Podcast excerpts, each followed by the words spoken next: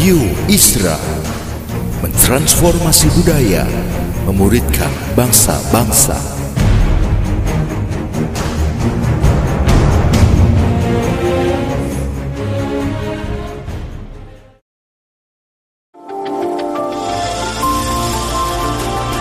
Voice of Pradaim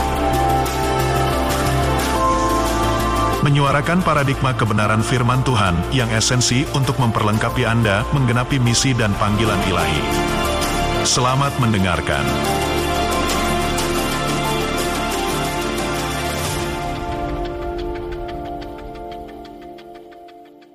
Bapa di sorga, kami sangat bersyukur buat kemurahan-Mu, buat kebaikan-Mu dalam hidup kami. Kami sangat bersyukur Tuhan.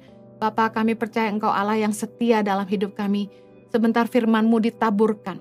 Berikanlah roh hikmat dan wahyu supaya kami boleh memahami firman-Mu dengan bahasa yang mudah kami mengerti. Tolong hamba-Mu karena sungguh tanpa Engkau hamba tidak mampu menyerahkan menit-menit ke depan ke dalam pimpinan Roh Kudus sepenuhnya. Hanya di dalam nama Yesus kami berdoa. Amen. Hari ini saya akan menyampaikan firman Tuhan dengan tema Jangan Putus Asa. 1 Korintus 10 ayat 13 ayat favorit saya pencobaan-pencobaan yang kamu alami ialah pencobaan-pencobaan biasa yang tidak melebihi kekuatan manusia. Sebab Allah setia. Dan karena itu, ia tidak akan membiarkan kamu dicobai melampaui kekuatanmu. Pada waktu kamu dicobai, ia akan memberikan kepadamu jalan keluar sehingga kamu dapat menanggungnya. Saya percaya di dalam kehidupan kita semua pasti ada badai, ada ujian, ada pencobaan, ada masalah, ada tekanan, ada penderitaan hidup yang kita harus lewati. Saya dari kecil melewati banyak proses hidup yang keras yang saya sangat syukuri hari ini. Saya berdoa agar setiap Anda, apa pun masalah, tekanan, penderitaan hidup yang Anda sedang jalani hari ini, saya berdoa Anda tidak putus asa dan tetap kuat di dalam Tuhan. Jangan menyerah. Amin. Jangan putus asa di tengah masalah.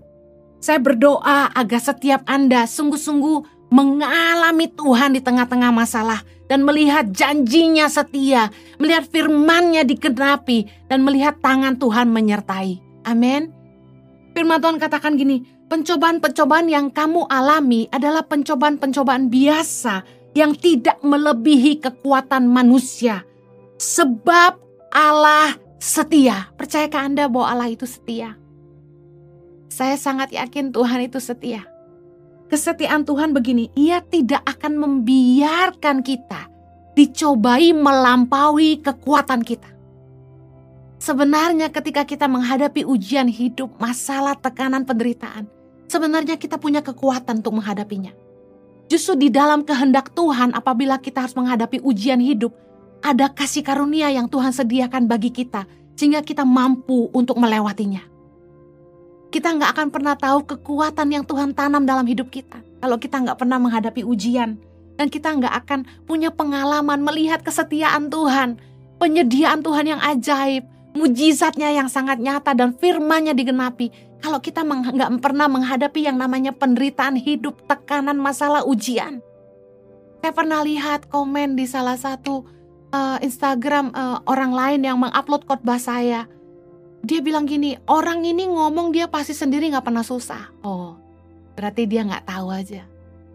Justru kalau Anda yang pernah mengikuti khotbah-khotbah di saya di YouTube, saya tuh cerita banyak tentang bagaimana Tuhan memproses hidup saya sejak saya masih sangat-sangat muda. Bagaimana saya ditinggalkan orang tua di usia yang masih sangat kecil, bagaimana saya berjuang untuk pendidikan saya, saya bekerja di sana sini dan sempat uh, kerja di rumah orang, bahkan diperlakukan seperti pembantu. Uh, dan saya berjuang bagaimana saya bisa uh, bayar uang sekolah dengan berjualan kue di depan gereja, jual makanan dan malamnya saya kerja delivery uh, di restoran. Saya sempat cuci piring, masak, jadi kasir, semua saya udah lakukan. Bersihin WC saya udah lakukan. Dan tahukah Anda bahwa penderitaan-penderitaan hidup saya di masa lalu itu yang jadi kekuatan buat saya, jadi pengalaman iman dengan Tuhan yang luar biasa yang hari ini saya bisa cerita buat Anda yang jadi kekuatan buat banyak orang, saya percaya. Ketika kita di tengah-tengah masalah, pegang ayat firman Tuhan ini, bahwa Allah setia. Dia tidak akan membiarkan kita dicobai melampaui kekuatan kita. Dan yang luar biasa ini, ketika kita dicobai, kita kita yakini satu hal bahwa Tuhan akan memberikan kepada kita jalan keluar. Katakan amin. Yakini bahwa kita itu pasti dapat menanggungnya. Karena Tuhan itu setia. Dia tidak akan biarkan kita dicobai melampaui kekuatan dan Tuhan pasti kasih jalan keluar. Katakan amin. Penderitaan hidup yang gak ada habis-habisnya, kesusahan, badai, tekanan, masalah yang kita hadapi, kadang-kadang tuh ketika kita ada di dalamnya, tuh rasanya kayak kok nggak kunjung selesai ya. Kapan sih gue kelar miskin gitu kan? Kapan sih masalah ini selesai? Kapan sih proses sama suami ini selesai? Kapan proses sama istri selesai? Kapan sih hutang ini bisa lunas? Pasti ada Anda yang teriak begitu sama Tuhan. Kapan gue bisa punya rumah sendiri Tuhan gitu kan? Tuhan kapan orang tua saya ini bisa ngerti panggilan hidup saya gitu? Pasti Anda berjuang dengan masalahmu masing-masing. Kapan bisa dapat pekerjaan yang lebih baik? Kapan bos gue ini promosi gue? Pasti banyak yang punya pergumulan yang rasanya kayak kok nggak kunjung selesai ya. Jangan menyerah. Percayalah Tuhan setia. Kalau Anda punya pasangan yang keras, kasar, jahat, tidak setia, Anda pasti bergumul dan berdoa buat pasanganmu dan Anda cuma bisa teriak sama Tuhan, ini kapan orang ini berubah? Tuhan, saya harus gimana? Harus saya cerai nggak boleh. Bertahan susah. Saya harus gimana? Jangan menyerah. Yakinlah Tuhan setia. Ada seorang ibu yang kesaksian sama saya. Dia diproses sama suaminya. Aduh ampun luar biasa. Dan dia cuma bisa doain suaminya. Gak lama sih dia katanya. Berapa lama bu saya tanya? 20 tahun saja. Lama gak saudara 20 tahun? Lama banget. Tapi bayangkan kalau ibu ini nyerah di tahun ke-19. Ya udah deh, gue tinggalin aja deh. Hari ini mereka sangat bahagia, mereka sangat diberkati, anak-anaknya tumbuh besar melayani Tuhan, sungguh-sungguh ikut Tuhan. Karena melihat kesaksian hidup mamanya yang luar biasa, iman mamanya yang keren. Dan suaminya hari ini sungguh-sungguh cinta sama istrinya, sayang anak-anaknya. Hidupnya berubah, dia mengasihi Tuhan dengan sungguh-sungguh. Dan saya dengan mata kepala sendiri lihat keluarga ini dipulihkan Tuhan. Hati saya sangat bersuka cita, apalagi Bapak di sorga. Jangan pernah menyerah. Pasti banyak kesaksian-kesaksian di luar sana bagaimana ada suami dan istri yang begitu setia dan terus mendoakan pasangannya dan hari ini Anda mendapat jawaban Tuhan. Dan bagi Anda yang masih terus bergumul, jangan menyerah. Tuhan setia. Amin. Katakan sama-sama saya, badai pasti berlalu ketika Anda sedang tertekan dan hampir putus asa, katakan gini, badai pasti berlalu. Jangan pernah menyerah. Waktu saya dulu diproses di masa yang sangat muda ketika saya nggak bisa minta pertolongan dari siapa pun, bayangkan orang tua nggak ada, keluarga nggak dekat, sepupu nggak dekat. Saya nggak bisa minta pertolongan siapa pun. Saya sering kali nangis sambil tidur dan saya bilang gini, this too shall pass ini akan berakhir. Saya percaya Tuhan akan bawa masalah saya itu berlalu seperti aliran air sungai. Semua akan berlalu. Saya terus kuatkan hati saya di dalam Tuhan. Saya hanya bisa berdoa dan teriak sama Tuhan. Saya bilang, this too shall pass. Setelah badai pasti berlalu. Amin. Kalau Anda bergumul dalam pekerjaanmu, udah kerja keras, udah berikan yang terbaik, udah berjuang buat atasan, udah berintegritas, udah jujur, tapi masih nggak dipercaya. Bos pelit, promosi nggak dikasih-kasih. Saya mau bilang ini jangan menyerah.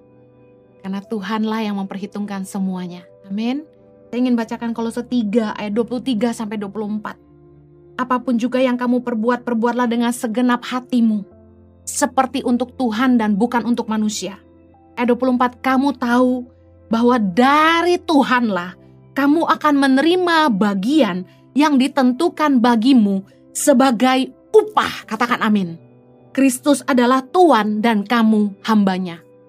Kalau kita kerja di sebuah tempat, siapa sih yang gak mau dipromosi Tuhan ada di atas, gaji besar, tapi setialah dengan posisi di mana pun Anda berada saat ini. Mulailah dari bawah.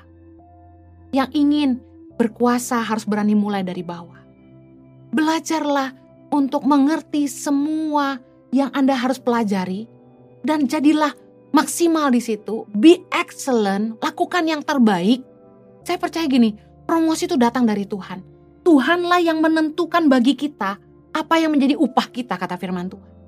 Jadi kerjalah segenap hati, seperti untuk Tuhan dan bukan untuk manusia. Sungguh-sungguhlah karena yang menilai kerja keras kita adalah Tuhan. Promosi itu datangnya dari Tuhan. Orang yang cakap yang akan berdiri di hadapan raja-raja. Berintegritaslah, kerja keraslah, jangan hitungan waktu, kasih yang terbaik, be creative. Mari pikirkan kontribusi apa yang engkau bisa berikan buat perusahaanmu. Orang-orang yang mau dipromosi lebih, itu harus memberikan nilai tambah buat perusahaannya. Dia bukan ada di situ hanya segera makan gaji aja, tapi dia ada di situ untuk memberi nilai tambah. Memperbaiki apa yang salah, memperbaiki apa yang kurang, menambahkan nilai adding value to the company. Saya percaya orang-orang demikianlah yang dibutuhkan, mereka yang akan berani dibayar lebih. Kalau kamu setia, kamu bisa dipercaya, tapi kamu belum dilirik oleh atasanmu, tetap setia. Percayalah, upah itu datang dari Tuhan. Kalau bosmu seperti dibutakan, itu Firaun itu dikeraskan hatinya sama Tuhan loh. Untuk tidak mengizinkan Musa membawa bangsa Israel pergi. Yang mengeraskan hatinya itu Tuhan. Jadi kalau misalnya promosi itu belum datang, berarti itu ujian. Bertahanlah, buktikan. Orang yang akan dipercaya lebih adalah orang yang setia. Orang yang bisa dipercaya dan orang yang betul-betul memikirkan yang terbaik buat perusahaannya. Kehadirannya menambah nilai. Dia bukan ada di situ hanya sekedar untuk memenuhi kewajiban. Bukan ada di situ hanya untuk sekedar digaji. Tapi orang-orang yang memberi nilai lebih. Percayalah kepada waktu Tuhan. Tetap lakukan yang terbaik. Be excellent. Setialah dalam perkara kecil. Harus terus bisa dipercaya. Orang yang menabur itu pasti menuai, katakan amin. Orang yang cakap pasti berdiri di hadapan raja-raja. Dua Tawari 15 ayat 7 ini ayat buat Anda. Tetapi kamu ini kuatkanlah hatimu. Jangan lemah semangatmu karena ada upah bagi usahamu. Katakan amin akan ada upah yang menanti kita. Kerja keraslah. Kalau atasanmu tetap menutup mata, saya percaya Tuhan bisa memberkati dan mempromosikan engkau di tempat lain. Amin. Tetap setia. Mazmur 126 ayat 5 bilang gini, orang-orang yang menabur dengan mencucurkan air mata akan menuai dengan sorak-sorai. Ayat 6, orang yang berjalan maju dengan menangis sambil menabur benih pasti pulang dengan sorak-sorai sambil membawa berkas-berkasnya. Ayo, kalau manusia tidak bisa menghargai kita, itu tidak menentukan nilai kita. Kita sendiri yang harus terus mempertahankan nilai kita. Berusahalah keep being excellent. Meskipun kamu tidak dihargai orang, tetap lakukan yang terbaik. Be excellent. Saya percaya orang yang di atas rata-rata orang yang bersinar itu tidak bisa disembunyikan. Pasti kelihatan. Dan saya ingin encourage Anda di tengah-tengah masalah ini. Fokuslah kepada janji Tuhan. Peganglah firman Tuhan. Ingat teladan Tuhan Yesus. Bagaimana Tuhan dalam perjuangan, Tuhan Yesus dalam perjuangannya. Dia terus memandang kepada Tuhan. Berdoa agar setiap kita mengikuti teladan Yesus. Ibrani 12 ayat yang kedua Marilah kita melakukannya dengan mata yang tertuju kepada Yesus yang memimpin kita dalam iman dan yang membawa iman kita kepada kesempurnaan yang dengan mengabaikan kehinaan tekun memikul salib ganti sukacita yang disediakan bagi dia yang sekarang duduk di sebelah kanan tahta Allah. Emang penderitaan Yesus luar biasa waktu pikul salib, waktu disiksa, dilucuti pakaiannya, dipecut sampai berdarah, dipaku. Penderitaan yang luar biasa dia diludahi, dia ditombak lambungnya. Semuanya menyakitkan. Tetapi lihatlah kemuliaan yang Tuhan sediakan bagi Yesus hari ini. Saya berdoa agar setiap kita jangan putus asa di tengah-tengah masalah. Mari terus pandang Tuhan dan pegang firman-Nya hari ini. Saya, saya bacakan ayat-ayat yang semoga saya berdoa ini jadi pegangan Anda. Cetak ayat-ayat ini tempelkan di depan mejamu, di tempat tidurmu supaya engkau selalu dikuatkan. Ya 1 Korintus 10 13 terutama percayalah bahwa Tuhan akan menyertai engkau. Pegang janji firman Tuhan. Amin. Yang kedua saya ingin kasih semangat. Jangan putus asa karena jatuh bangun dalam dosa. Mungkin ada di antara Anda yang putus asa dengan dirimu sendiri. Seringkali Anda jatuh bangun dalam dosa.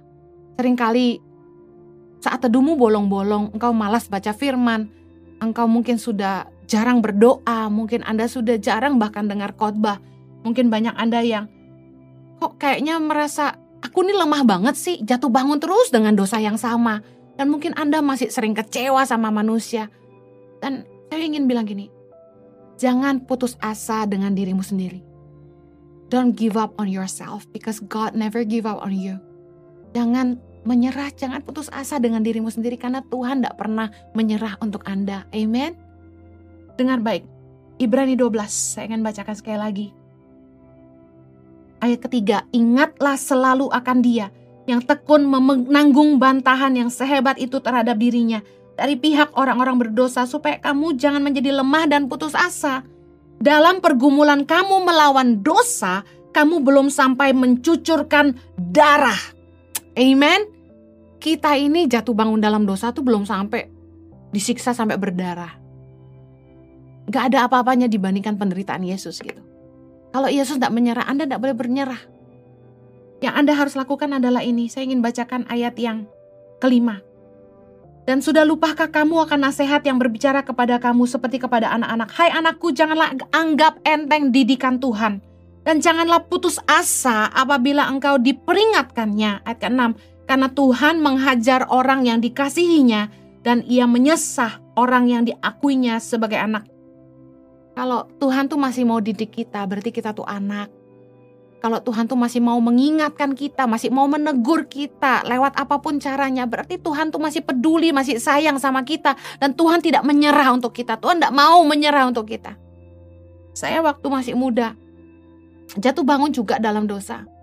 Saya ngerti perasaan Anda. Kok udah tahu kebenaran masih hidup dalam dosa ya? Saya tahu. Butuh iman kita bertumbuh sehingga kita ngerti bagaimana kita bisa menang atas dosa, bagaimana kita menjauhi dosa. Firman Tuhan berkata, mendekatlah kepada Allah, maka ia akan mendekat kepadamu. Jangan justru ketika kita jatuh dalam dosa, kita malah menjauh karena malu. Kita datang sama Tuhan dan minta ampun. Kasih Tuhan bagi kita itu sanggup membuat dosa kita yang merah itu menjadi putih kembali. Dengar baik, Tuhan itu sanggup pulihkan hidup kita. Tuhan sanggup untuk memperbaharui hidup kita. Jangan menyerah, jangan meninggalkan Tuhan. Justru ketika kita jatuh dalam dosa, iblis maunya kita meninggalkan Tuhan. Jangan. Justru semakin kita lemah, kita harus semakin mendekat kepada Allah karena Dia sumber kekuatan kita. Dengar baik. Matius 26 ayat 41 berkata begini. Berjaga-jagalah dan berdoalah supaya kamu jangan jatuh ke dalam pencobaan. Roh memang penurut tetapi daging lemah. Nah, gimana caranya supaya kita tuh jangan jatuh bangun dalam dosa? Saya pernah bagikan di khotbah yang lain bagaimana menang atas dosa. Tapi dengar baik, roh kita ini penurut tapi daging kita lemah. Dan kita harus selalu berdoa dan berjaga-jaga. Saya pernah bagikan, nggak cuma cukup berdoa, kita harus jaga. Jaga hidup kita, jangan mendekat kepada dosa, jauhi medan dosa. Jaga pergaulan kita, jangan sampai terjebak dalam pergaulan yang membuat kita jatuh bangun dalam dosa. Kita harus mengubah e, cara pikir kita, mengalihkan fokus kita kepada hal-hal yang uh, membuat kita bisa meninggalkan dosa, jangan fokus kepada kehidupan dosa. Jangan terlibat lagi dalam aktivitas yang membuat kita jatuh bangun dalam dosa. Harus ada upaya, nggak cuma berdoa. Mari mendekat kepada Allah, karena Tuhan sumber kekuatan kita dan sadari betapa Tuhan mengasihi kita. Kalau kita sadar betapa Tuhan mengasihi kita, masa akan kita mau terus melukai hatinya? Tahukah Anda bahwa pengenalan akan Tuhan itu kasih karunia? Nggak banyak orang yang bisa sungguh-sungguh mengenal Tuhan. Dan kalau Anda bisa mengenal Tuhan, Mari jangan sia-siakan kasih karunia-Nya. Amin. Tinggalkan dosa dan mari berbaliklah kepada Allah. Amsal 8 ayat 13 berkata gini, Takut akan Tuhan, ialah membenci kejahatan. Aku benci kepada kesombongan, kecongkakan, tingkah laku yang jahat dan mulut penuh tipu muslihat. Kalau Tuhan sudah mengampuni kita, ayo kita hidup dalam takut akan Tuhan. Jauhi kejahatan, jauhi mulut penuh tipu muslihat, jauhi kesombongan, jauhi kecongkakan. Amsal 16 ayat 6 berkata gini, dengan kasih dan kesetiaan kesalahan diampuni karena takut akan Tuhan, orang menjauhi kejahatan. Kalau kita sadar bahwa Tuhan sudah mengampuni kita, ayo kita kasihi Tuhan dengan hidup kita. Ayo jauhi kejahatan. Saya ingin tutup dengan ini. Mengapa sih Tuhan tuh mengizinkan kita mengalami ujian, tekanan, penderitaan hidup? Saya ingin bagikan secara empat-empat hal. Semua proses hidup yang kita alami adalah cara Tuhan yang pertama untuk membentuk kita jadi indah. Amin. Tuhan ingin kita punya karakter ilahi. Ayub 23 ayat 10 berkata gini, Karena ia tahu jalan hidupku. Seandainya ia menguji aku, aku akan timbul seperti emas. Saya berdoa agar lewat setiap ujian, tekanan, badai kehidupan proses yang Anda lewati, Anda akan timbul seperti emas. Mari bereaksilah yang positif.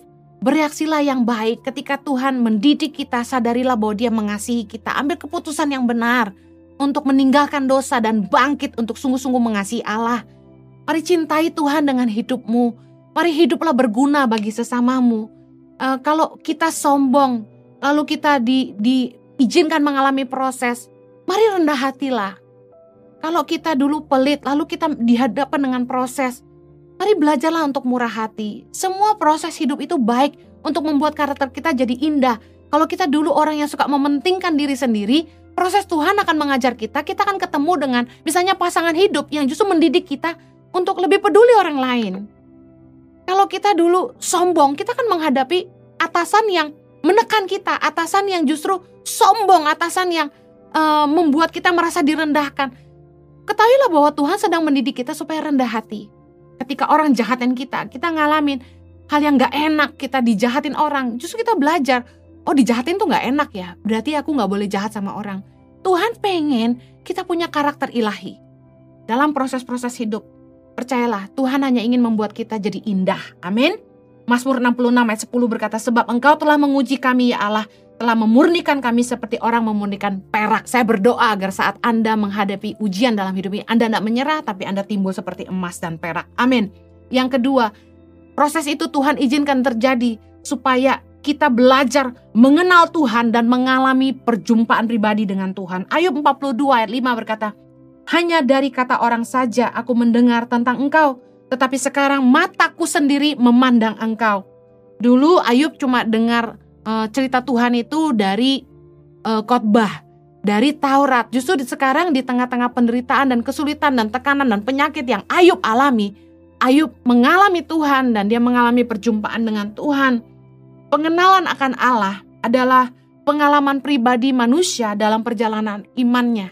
Kita nggak bisa mengenal Tuhan tanpa perjalanan iman pribadi dengan Tuhan. Ketika kita mengalami pimpinan Sang Ilahi dalam suara hati kita, ketika kita mengalami penyediaan Tuhan yang uh, tepat waktu, ketika kita mengalami kesembuhan secara ajaib, ketika kita mengalami pertolongan Tuhan di saat terjepit, di situlah kita akan mengalami perjumpaan pribadi dengan Tuhan. Kita akan ngalamin Tuhan, kita jadi kenal Tuhan. Tuhan itu seperti apa? Dan kemudian kumpulan-kumpulan dari pengalaman-pengalaman kita dengan Tuhan yang membuat kita tuh belajar mengenal Tuhan seperti apa. Kita hanya akan jadi Kristen agamawi kalau kita cuma mengenal Tuhan lewat baca Alkitab, lewat dengar khotbah aja. Kalau kita cuma menjalani ibadah, berdoa dan ke gereja, tapi kita nggak mengalami pengalaman pribadi dengan Tuhan dan melihat firmannya terbukti, saya percaya kita akan jadi Kristen agamawi oleh karena itulah Tuhan mengizinkan proses dalam hidup kita supaya kita belajar mengenal Tuhan dan punya pengalaman pribadi dengan Dia. Justru di tengah-tengah kesulitan dan penderitaanlah kita mengalami pertolongan Tuhan dan itu yang luar biasa mendewasakan iman kita. Daud pernah mengalami pertolongan Tuhan dan ketika jiwanya menjadi lemah dan gunda gulana, Daud berkata dalam Mazmur 103 yang kedua, Pujilah Tuhan hai jiwaku dan janganlah lupakan segala kebaikannya. Daud pernah mengalami kebaikan sehingga ketika waktu dia lemah dan putus asa, dia mengingatkan jiwanya akan kebaikan Tuhan. Dan perjalanan iman kita dengan Tuhan ini adalah yang membuat iman kita jadi teguh. Sehingga ketika kita mengalami masalah dan penderitaan dan tekanan dan apa pun, tantangan ke depan, kita sanggup berkata gini, kalau Tuhan pernah tolong saya, Tuhan sanggup tolong saya lagi. Amen. Yang ketiga, proses diizinkan Tuhan untuk memurnikan iman kita. Roma 5 ayat 3 sampai 5. Dan bukan hanya itu saja, kita malah bermegah juga dalam kesengsaraan kita karena kita tahu bahwa kesengsaraan itu menimbulkan ketekunan dan ketekunan menimbulkan tahan uji dan tahan uji menimbulkan pengharapan dan pengharapan tidak mengecewakan karena kasih Allah telah dicurahkan dalam hati kita oleh Roh Kudus yang telah dikaruniakan kepada kita. Saya percaya bahwa ujian itu menghasilkan ketekunan dalam hidup kita dan kita menjadi orang-orang Kristen yang tahan uji. Orang-orang yang tidak cengeng, orang-orang yang bertahan menghadapi segala tantangan dan orang-orang Kristen yang hidup dalam pengharapan kepada Tuhan. 1 Petrus 1 ayat 6. Bergembiralah akan hal itu sekalipun sekarang ini kamu seketika harus berduka cita oleh berbagai-bagai pencobaan.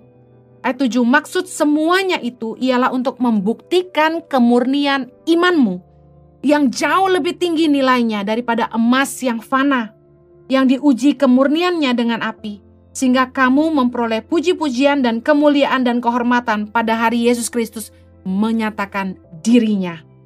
Saya percaya bahwa semua proses yang kita alami hanya untuk menguji kemurnian iman kita Apakah kita sungguh-sungguh mengikut Tuhan hanya untuk berkatnya atau kita ikut Tuhan sungguh-sungguh dan mempercayai dia karena kita mengasihi dia. Pengalaman tuh dengan Tuhan pribadi yang seperti saya bagikan tadi yang pada akhirnya membuat iman kita menjadi teguh. Saya kasih contoh. Kalau saya mengenal seseorang dengan sangat dekat, katakan teman baik saya, namanya Devi. Kalau sampai ada orang yang jelek-jelekin Devi ke saya, saya nggak akan percaya. Kenapa? Karena saya kenal siapa Devi. Jadi bagaimana iman kita bisa teguh kepada Tuhan adalah gini, kita perlu pengenalan akan Tuhan. Kita perlu memahami Tuhan. Sehingga tantangan apa pun yang datang dalam hidup kita, kita tidak akan ragu sama Tuhan. Sudah terlalu terlambat untuk saya untuk tidak mengakui Tuhan karena saya mengalami begitu banyak penyertaan Tuhan, saya mengalami pertolongan Tuhan, saya mendapatkan pimpinan Tuhan yang begitu jelas dalam hidup saya. Bagaimana mungkin saya menyangkal dia? Keterlaluan. Nah sering kali kita berpikir bahwa iman hanyalah hanya sekedar percaya. Enggak, kita perlu mengalami baru kita percaya. Mari dalam perjalanan imanmu bilang sama Tuhan, izinkan aku mengalami Tuhan tantangan dan ujianlah sebenarnya yang membukakan mata kita untuk sungguh-sungguh melihat kesetiaan Tuhan dan bagaimana Tuhan tuh begitu luar biasa. Saya masih ingat bagaimana ketika uh, uang di yayasan tuh tinggal 12 juta. Saya putus asa dan nggak tahu mesti bikin apa. Pada saat itu kami sudah kasih makan sekitar 2.500 anak. Bayangkan berapa dana yang kami butuhkan. Dan sedangkan rekening di bank tinggal 12 juta. Saya hampir putus asa saya datang kepada Tuhan. Saya bilang sama Tuhan, Tuhan pelayanan ini milik Tuhan. Tuhan yang panggil saya ke Indonesia. Kalau Tuhan tidak siapkan dananya ya berarti waktunya bagi saya pulang ke Australia. Saya, bicara, saya bilang gitu sama Tuhan dan saya mau saksikan sampai dengan hari ini Tuhan tidak pernah meninggalkan saya. Janji Tuhan itu setia. Amen. Yang terakhir, kenapa proses itu terjadi dalam hidup kita? untuk membuktikan janjinya setia dalam hidup kita. Bahwa firmannya digenapi dalam hidup kita. Ayub 42 ayat 12. Tuhan memberkati Ayub dalam hidupnya yang selanjutnya.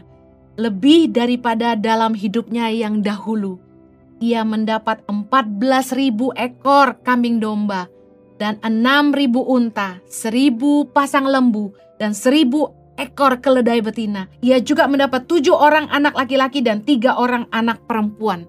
Anda tahu bahwa dalam kisah penderitaan Ayub, ini manusia yang diuji dengan begitu luar biasa. Semua usahanya habis, anaknya mati, istrinya marah-marahin dia, sahabat-sahabat meninggalkan dia.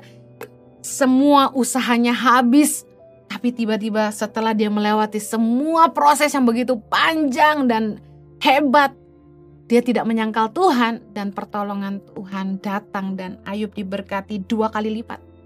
Bahkan anak-anaknya juga diberikan lebih banyak dan anak-anaknya menjadi sangat luar biasa katanya paling cantik, paling tampan di negeri itu. Dengar baik, Tuhan itu setia. Janjinya terbukti. Firmannya setia, firmannya, firman Tuhan itu ya dan amin. Tuhan tuh nggak pernah lalai sama janjinya. Saya bersyukur bahwa dalam hidup saya Tuhan menyatakan janji-janjinya. Saya bersyukur bahwa dia berbicara kepada saya untuk apa pun yang saya harus kerjakan buat Indonesia. melahirkan seribu pemimpin bagi Indonesia melalui Yayasan Tangan Pengharapan. Saya percaya janjinya setia. Saya berdoa agar Anda juga sungguh-sungguh mengalami Tuhan dan tantangan masalah apa pun yang Anda hadapi. Saya berdoa Anda tetap mengingat janji Tuhan dalam hidupmu. Cari Tuhan sungguh-sungguh bukannya menjauh dari Tuhan. Percayalah, janjinya itu kekuatan dalam hidup kita. Pengalaman dengan Tuhan di tengah-tengah masa sulit itu menjadi pengalaman yang paling berharga dalam hidup kita. Bahwa itulah yang membuat iman kita teguh. Dan percayalah, sabarlah menanti janji Tuhan digenapi dalam hidup kita. Waktunya terindah. Saya berdoa agar Anda tetap kuat, tetap semangat, dan jangan menyerah. Mari kita berdoa. Bapa di sorga kami bersyukur Kau terlalu baik dalam hidup kami dan Engkau sangat setia ya Tuhan. Sertailah umatmu dalam pergumulan mereka, penderitaan hidup yang mereka alami. Tuhan kami percaya Engkau setia. Semua pencobaan mereka alami nggak akan melampaui kekuatan mereka. Tuhan pasti setia dan memberikan mereka jalan keluar. Berkati yang butuh uang Tuhan untuk kuliah. Berkati yang Tuhan yang uang untuk modal usaha. Berkati Tuhan yang butuh pasangan hidup. Berkati yang rindu punya keturunan. Berkati Tuhan untuk pasangan-pasangan yang uh, tidak kunjung bertobat agar Tuhan menjamah pasangan mereka Tuhan untuk sungguh-sungguh bertobat dan berbalik dan belajar mengasihi pasangannya dan mengasihi Tuhan apa untuk suami-suami yang tidak tanggung jawab sama istri dan anak-anaknya. Mereka boleh dijamah Tuhan. Mereka boleh kembali sama istri dan anak-anaknya Tuhan. Berdoa Tuhan pulihkan hidup umatmu. Apa pun pergumulan hidup mereka Tuhan engkau campur tangan. Terima kasih kami berdoa penghiburan yang dari Tuhan datang. Umatmu boleh semangat. Kalau Tuhan pernah tolong mereka, Tuhan sanggup tolong mereka lagi. Kami percaya semua badai yang ada pasti berlalu. Di dalam nama Yesus kami berdoa. Amen. Stay strong. God bless you.